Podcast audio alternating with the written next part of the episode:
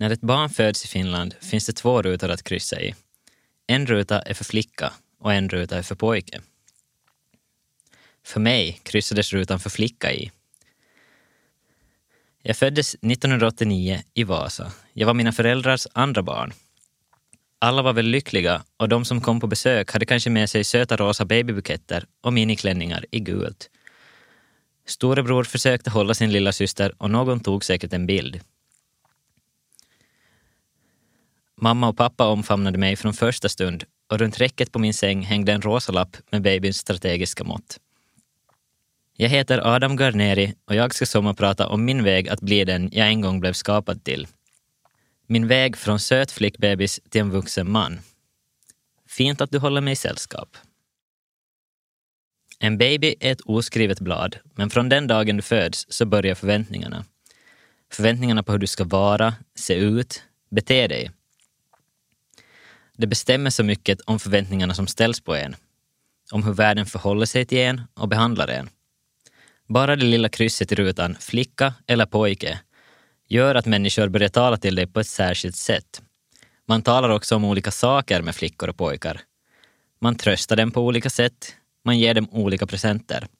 Man klär dem genast olika. Om man tittar på fotografier på mig som liten så ser jag ut som vilken liten pojke som helst. Jag ärvde glatt storebrors kläder, men det finns två bilder när jag har klänning. När jag fyllde ett och sen ett till. Men de är också tagna innan jag ens kunde prata. På det senare fotot har jag gömt mig under köksbordet och ser väldigt sur ut. Sur för att jag måste ha klänning. Men det var en present från en släkting och var på bara tills stackbilden var tagen. Till en början hade jag halvlångt hår, men jag kommer ändå ihåg att jag hann gråta över just håret och den flickiga pagen innan jag fick en killkort frisyr som bästa kompisen och blev nöjd. Det var utsidan, men insidan var inte heller rosa. Den var blå. Jag lekte bara med pojkar. Vi var utomhus mest hela tiden, klättrade i träd, byggde kojor, krigade med ärtrör och sköt prick, spelade fotboll, hade snöbollskrig, brottades, lekte herren på täppan. Tävlade i allt, vem som var starkast, vem som cyklade snabbast, vem som kunde hålla andan längst, vem som vågade hoppa högst ifrån. Pushade varandra att klättra högre, springa snabbare.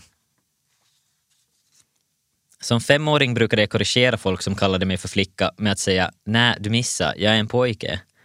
Jag behövde inte göra det speciellt ofta, för så länge jag kan minnas så har nästan alla trott att jag är en pojke. Jag blev alltid väldigt glad när någon tog fel, men ju äldre jag blev, desto mer problematiskt blev det. Det blev pinsamt. För alla, och jag var tvungen att kämpa bort det som andra såg som ett misstag. Som när den nya killen på klassen i tvåan följde efter mig in i omklädningsrummet när vi skulle ha gymnastik. Han hade nyligen kommit till Finland och hade inte så bra koll på vilka av klasskompisarna som hade pojknamn och vilka som hade flicknamn.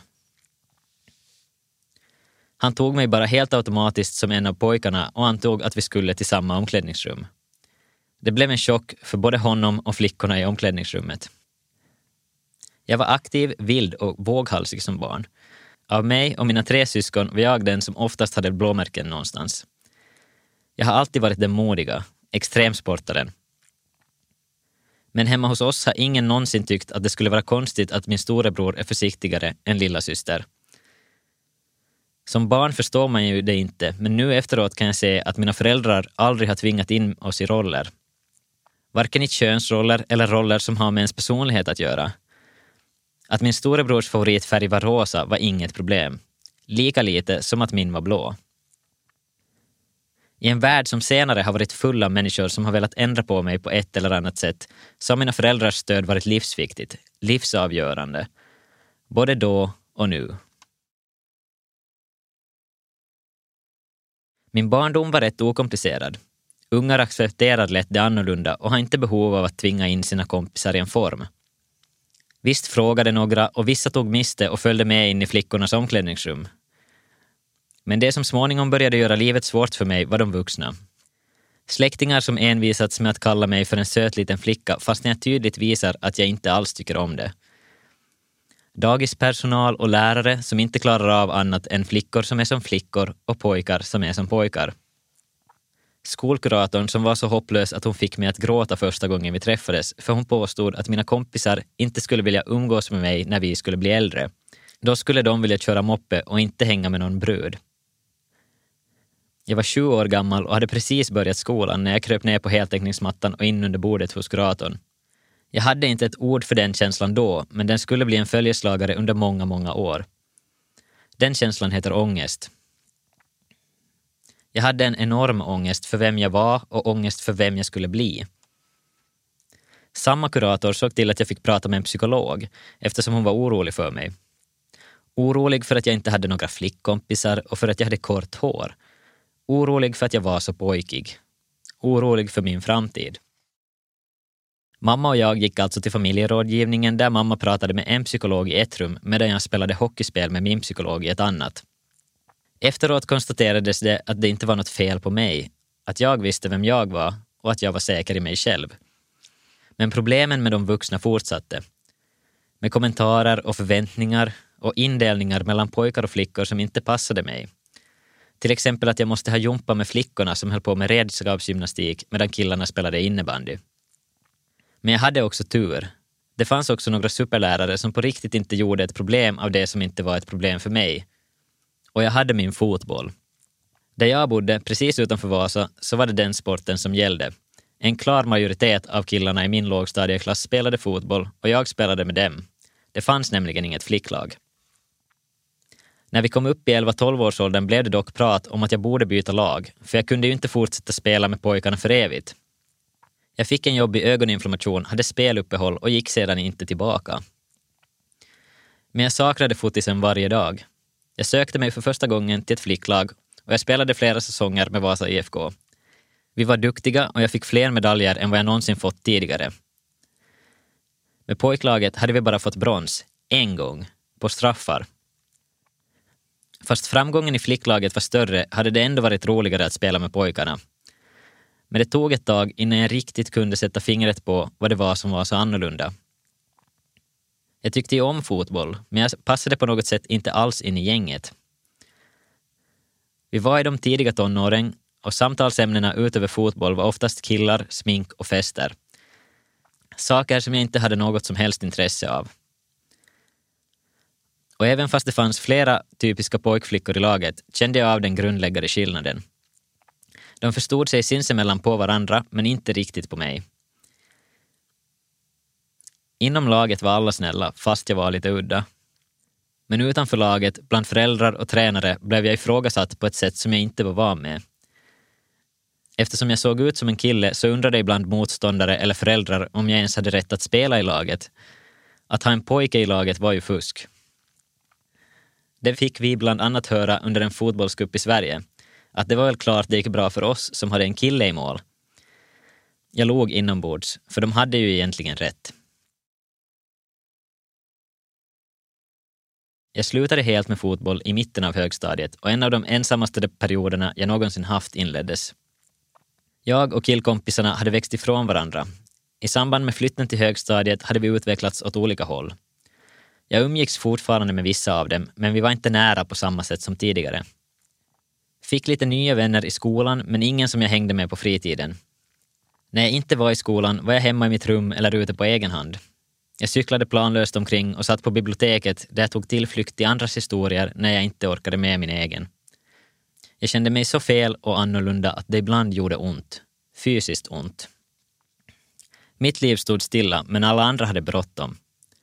De ville erövra världen. De ville fylla 15 och få moppe. De ville fylla 18 och bli myndiga. De ville komma bort från högstadiet. De ville flytta hemifrån. De ville få en pojk eller flickvän. Allt jag ville göra var att trycka på paus. Paus, eller ännu hellre spola tillbaka till okomplicerad barndom där dagarna var en enda lång rolig fotismatch. Som liten sa jag alltid emot de vuxna när de kallade mig för flicka och de skakade på huvudet och skrattade, men jag var ärlig. Det gick inte längre. Ingen skrattade längre åt sådana kommentarer. Om jag mot förmodan skulle ha vågat säga jag är inte en flicka, jag är en pojke. Ibland var jag lite extra modig och sa att jag ville vara en pojke. Responsen var ganska långt densamma oberoende om jag sa att jag var eller ville vara en pojke. Men det kändes ändå marginellt bättre att folk tyckte att jag önskade konstiga saker än att jag var konstig. Var en pojke. Men man kan inte heller vara en pojke i smyg hela livet. Pojken måste ju kanske bli man. Nu blev det verkligt jobbigt.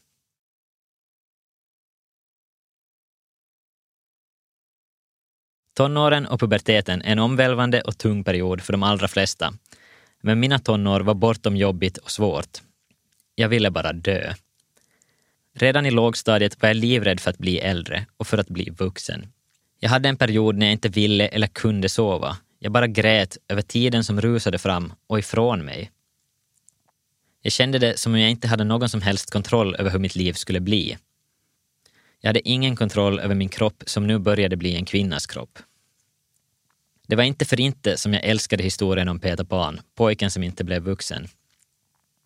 Hade jag själv fått välja hade jag säkert stannat kvar i 10-11-årsåldern, på tryggt avstånd till vuxenlivet och de kroppsliga och hormonella förändringar puberteten skulle föra med sig några år senare. Om det finns något i världen jag skulle få önska så är det nog att jag inte skulle behövt gå igenom en kvinnlig pubertet. Min självbild kraschade och mitt självförtroende rasade. Jag började klä mig i kläder som var flera storlekar för stora för att försöka dölja allt det som hände under tröjan. Jag försökte träna bort mensen och funderade i flera omgångar på att försöka svälta mig för att bli av med den. Men jag har lyckligtvis aldrig klarat av att gå hungrig länge och det projektet misslyckades. Jag tystnade och isolerade mig, var borta från skolan. Kunde inte gå dit för hela klassen och hela skolan genomsyrade av något slags sexuellt uppvaknande. Det var väldigt mycket prat om vem som var ihop med vem eller vem folk var kära i. Jag var knappast den enda som kände mig helt utanför det pratet, men precis som alla andra så inbillade jag ju mig att det var bara jag. Om jag skulle sätta något ord för att definiera mig själv så här i efterhand skulle jag använda termen asexuell, sexuellt ointresserad. Det var inget ord jag kunde som 13-åring, men jag var så obekväm med mig själv och min kropp att bara tanken på att någon skulle ta på mig eller att jag skulle vara ihop med någon kändes helt absurd. Jag undvek i princip all fysisk kontakt i flera år. Tyckte inte om när människor ville kramas, oavsett vad orsaken var. Jag gjorde allt för att dölja att min bröstkorg inte längre var platt. Hade oftast minst två t-shirts under en lite för stor tröja. Stod alltid lätt ihopsjunken med framskjutna axlar. Det fanns konstant en liten röst i bakhuvudet som påminde mig om att stå, sitta och röra mig så att rundningen inte skulle synas. Jag kunde aldrig slappna av. Jag heter Adam Guarneri och som har pratat till er om min väg att bli den jag alltid varit, en Adam. Jag var kanske 13 eller 14 första gången jag hörde ordet transsexuell och förstod att det var det ordet jag letat efter. Som definition är ordet problematiskt och inget jag skulle använda längre. Att vara trans har inget med sexualitet att göra. Men tack vare termen transsexuell så hittade jag andra som definierade sig med ordet. Andra som var som jag. Internet öppnade alla möjliga dörrar för mig när jag nu förstod vilket sökord jag skulle använda. Det kändes nästan overkligt att förstå att det här var något man kunde få hjälp med. Att jag inte skulle behöva vara olycklig för alltid. Jag tog kontakt med skolpsykologen. Han hette Stig och han var från Kärren. Det var i augusti och han var solbränd och trygg. Jag hade laddat upp med fakta och argument för att försöka övertyga honom om att jag hade hittat orsaken varför jag mådde så skit. Men jag behövde inte övertala honom en sekund. Han bara nickade och ställde inte en enda kritisk fråga eller sa en enda skeptisk kommentar när jag berättade för honom att jag har nog varit en pojke från början, precis som de sagt till mamma på rådgivningen, när jag ännu var i magen. Skolpsykologen var den första, förutom mina föräldrar, som tog mig på allvar och han började utreda var jag skulle få hjälp. Han letade fram en sexolog och jag fick äntligen träffa någon som förstod hur transprocessen funkade. Det här var 2007 och i och med att den här utredningen startade fick jag också en tro på att jag skulle kunna få ett vuxet liv. Jag behövde inte hjälp med att hitta mig själv, utan mera att hitta tillbaka till den jag är. Att släppa taget om Peter Pan och bli fullt ut det som jag alltid varit. Jag hann fylla 19 innan jag kom igång med själva transutredningen. Jag hade hunnit ta körkort, skriva studenten, ta mig igenom yrkesskolan och kunde titulera mig möbelsnickare. Jag hade fått nya vänner som jag öppet berättade för att jag var trans. och jag hade fått ett smeknamn som var könsneutralt och det hjälpte massor. Kvällen innan jag skulle till transpolikliniken i Helsingfors berättade jag för mina föräldrar vad jag hade för planer. Jag hade hållit dem utanför tills jag var 100% säker på mitt beslut. Vi grät alla, men av olika orsaker. Mamma grät för att hon var lättad när hon nu förstod varför jag mått så dåligt. Och jag grät för att pappa sa så fina saker.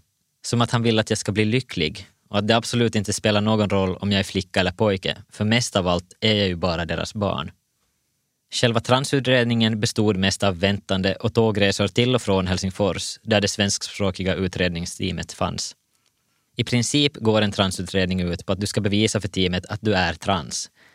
Min utredning gick förhållandevis smärtfritt, även om jag har svårt att förstå varför en ska göra till exempel bläckplumpstest eller intelligenstest. Mina föräldrar intervjuades och de berättade min historia ur sitt perspektiv. Att jag hade varit en pojke sedan jag var liten, men att de aldrig har varit oroliga för just det, men otroligt oroliga för att jag mått så psykiskt dåligt. De hade omfamnat mig på BB och 20 år senare omfamnade de mig igen när jag formellt skulle få ett nytt kön. Jag var och är så tacksam för deras fördomsfrihet, öppenhet och kärlek. Ett år efter utredningens början fick jag mitt efterlängtade recept på testosteron i handen och blev satt i operationskö för mastektomi, maskulinering av bröstkorgen, på kirurgiska enheten på Tölö i Helsingfors. Jag har sällan varit så otålig som när jag gick och väntade på att brevet med operationsdatum skulle dimpa ner i brevlådan. Jag fördrev tiden med att otåligt dokumentera alla förändringarna som de nya hormonerna förde med sig. Det hände egentligen ganska mycket ganska snabbt, men jag skulle ju helst ha velat att allting hänt genast på en gång. Jag hade ju redan väntat så länge. En av de första sakerna som märktes var målbrottet. Det var en häftig upplevelse att märka hur rösten ändrades. Och det var välbehövligt. Även om det har alla möjliga fördelar att bli kodad som en prepubertal pojke så kände jag vid cirka 21 att det började vara dags att bli tagen för lite äldre än 13 när jag öppnade munnen. Det krävdes ungefär 4-5 månaders hormonbehandling innan jag märkte av någon riktig förändring i rösten. Testosteronet ändrade sakta men säkert mitt utseende och min kropp på ett sånt sätt att jag äntligen började känna mig mer bekväm med mig själv. Jag blev bredare över axlarna och smalare över höfterna. Alla antydningar till kurvor försvann och kroppsformen började mera påminna om ett V. Ansiktet blev kantigare och käklinjen mer definierad. Träningen började resultera i synliga muskler där jag tidigare bara varit smal. Samtidigt som alla dessa positiva förändringar skedde så var jag ju lika hormonstinn som vilken tonårskille som helst. Jag hade betydligt kortare stubin än vanligt och jag var hungrig precis hela tiden. Jag luktade illa och duschade ibland flera gånger om dagen. Det växte hår på alla möjliga och omöjliga ställen där jag inte alls hade något behov av dem, som på överläppen. Att gå igenom puberteten en andra gång var jobbigt, men inget mot hur det var första gången. Nu såg jag ju äntligen utveckling åt det håll jag ville. Tisdag, 1 november 2011. Efter tio månader av hormonbehandling ska jag äntligen opereras. Mina föräldrar körde mig ner till Helsingfors. När vi checkat in på sjukhuset innan operationen frågade mamma om jag inte alls var orolig. Men jag var bara hungrig och förväntansfull. Jag såg operationen bara som en möjlighet. Min enda möjlighet. Och det började bra. Jag fick bruna sjukhuskläder istället för de vispgrötsfärgade. Jag fick kalsonger som visserligen var för stora och trillade av, men jag vek linningen ett varv till. Sjukhusets fotograf tog både före och efter bilder. Jag fick narkos och blev helt groggy. Jag mådde vansinnigt illa när jag vaknade och försökte dricka ett glas vatten. Jag minns den hemska nattsköterskan som inte alls verkade trivas på sitt jobb och jag minns kirurgen som tyckte det var fint att mina föräldrar var med. Jag var så trött och jag var så lycklig. Könskorrigeringsprocessen hade varit tung på många sätt, men något som var oväntat krånglig var att hitta ett nytt namn. Oavsett hur mycket jag hade vantrivts med det namn jag hade haft i hela mitt liv så var jag ju ändå van. Jag hade förstås funderat på killnamn i princip hela mitt liv och testat flera pojknamn genom åren, så det var svårt att hitta något som kändes rätt nu när jag faktiskt skulle bestämma mig för vad jag skulle heta. Något som kändes som jag. Jag försökte be om hjälp och åsikter, men det gjorde kanske valet bara svårare eftersom alla jag frågade hade personliga relationer till namn. Jag hann testa både Daniel och David en längre period innan det slutligen blev Adam. För vissa tog det länge att lära sig att använda något annat än det namn som jag hade haft sedan liten. Det är ju förståeligt då det ju var det enda namn de använt i nästan 20 år. Men det är svårt att förklara hur underligt det kändes att behöva kallas för något man inte är. Det var ett flicknamn och jag var en pojke. Jag har gjort en märklig resa i mig själv. En märklig och svår resa, men jag har samtidigt en erfarenhet som är få förunnade. Jag har både varit flicka och pojke. Och jag har själv fått uppleva hur olika samhället bemöter oss beroende på vilket kön vi har. Och det är faktiskt ett otroligt privilegium. Att ha haft ett officiellt kön som både kvinna och som man har öppnat mina ögon för samhällets strukturer och könsnormer. Som liten passade jag inte in i det som förväntades av mig som flicka. Jag lekte för fysiskt, tog för stor plats, pratade för högt, var intresserad av fel saker. Men nu ställs plötsligt andra förväntningar på mig som jag inte har blivit uppfostrad att bemöta. Banala saker som att om det är något tungt som ska lyftas så ber man mig, eller att det nu förväntas att jag ska hålla upp dörrar. Har också märkt att jag tydligen borde vara intresserad av bilar och tjejer. Det vill säga att jag borde vara heterosexuell. Mer problematiskt är att folk är benägna att ge mig plats även när jag inte vill ha den. Nu när jag är man lyssnar man på vad jag säger, även när det bara är strunt. Inget fel i det om det inte skulle vara för att min syster inte alls har samma privilegier, eller min mamma, eller mina tjejkompisar. Det hade inte jag heller innan jag hette Adam. Under processen talades det alldeles för lite om de sociala konsekvenserna. Att gå över till en manlig social roll har nästan bara fördelar, medan det för dem som går andra vägen till en kvinnlig roll är precis tvärtom. När allt med könskorrigeringen var över och jag äntligen var Adam hade jag tänkt att lämna allt detta med kön bakom mig. Jag hade kämpat med det i 20 år och det var nu dags att tänka på andra saker, göra andra saker. Jag hade faktiskt planerat att inte berätta om min transbakgrund när jag äntligen kommit till en punkt där omgivningen inte ifrågasatte min könstillhörighet längre. Men det visade sig ganska snabbt att det inte var vägen för mig. Jag har istället valt att prata helt öppet om att jag är trans och jag föreläser och pratar i skolor om det.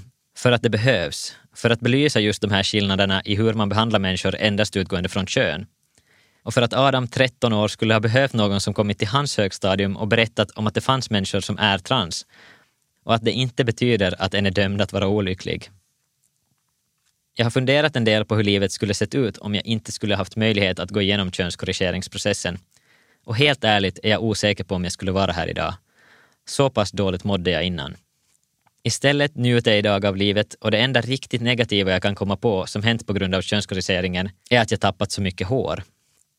Jag gillade mitt tjocka hår, men som kille är det ju märkligt nog helt okej okay att vara skallig. Tack för att du lyssnat och fint om du fick med dig något som gör att du kan hjälpa dig själv eller andra att bli den vi innerst inne är. Jag heter Adam Guarneri.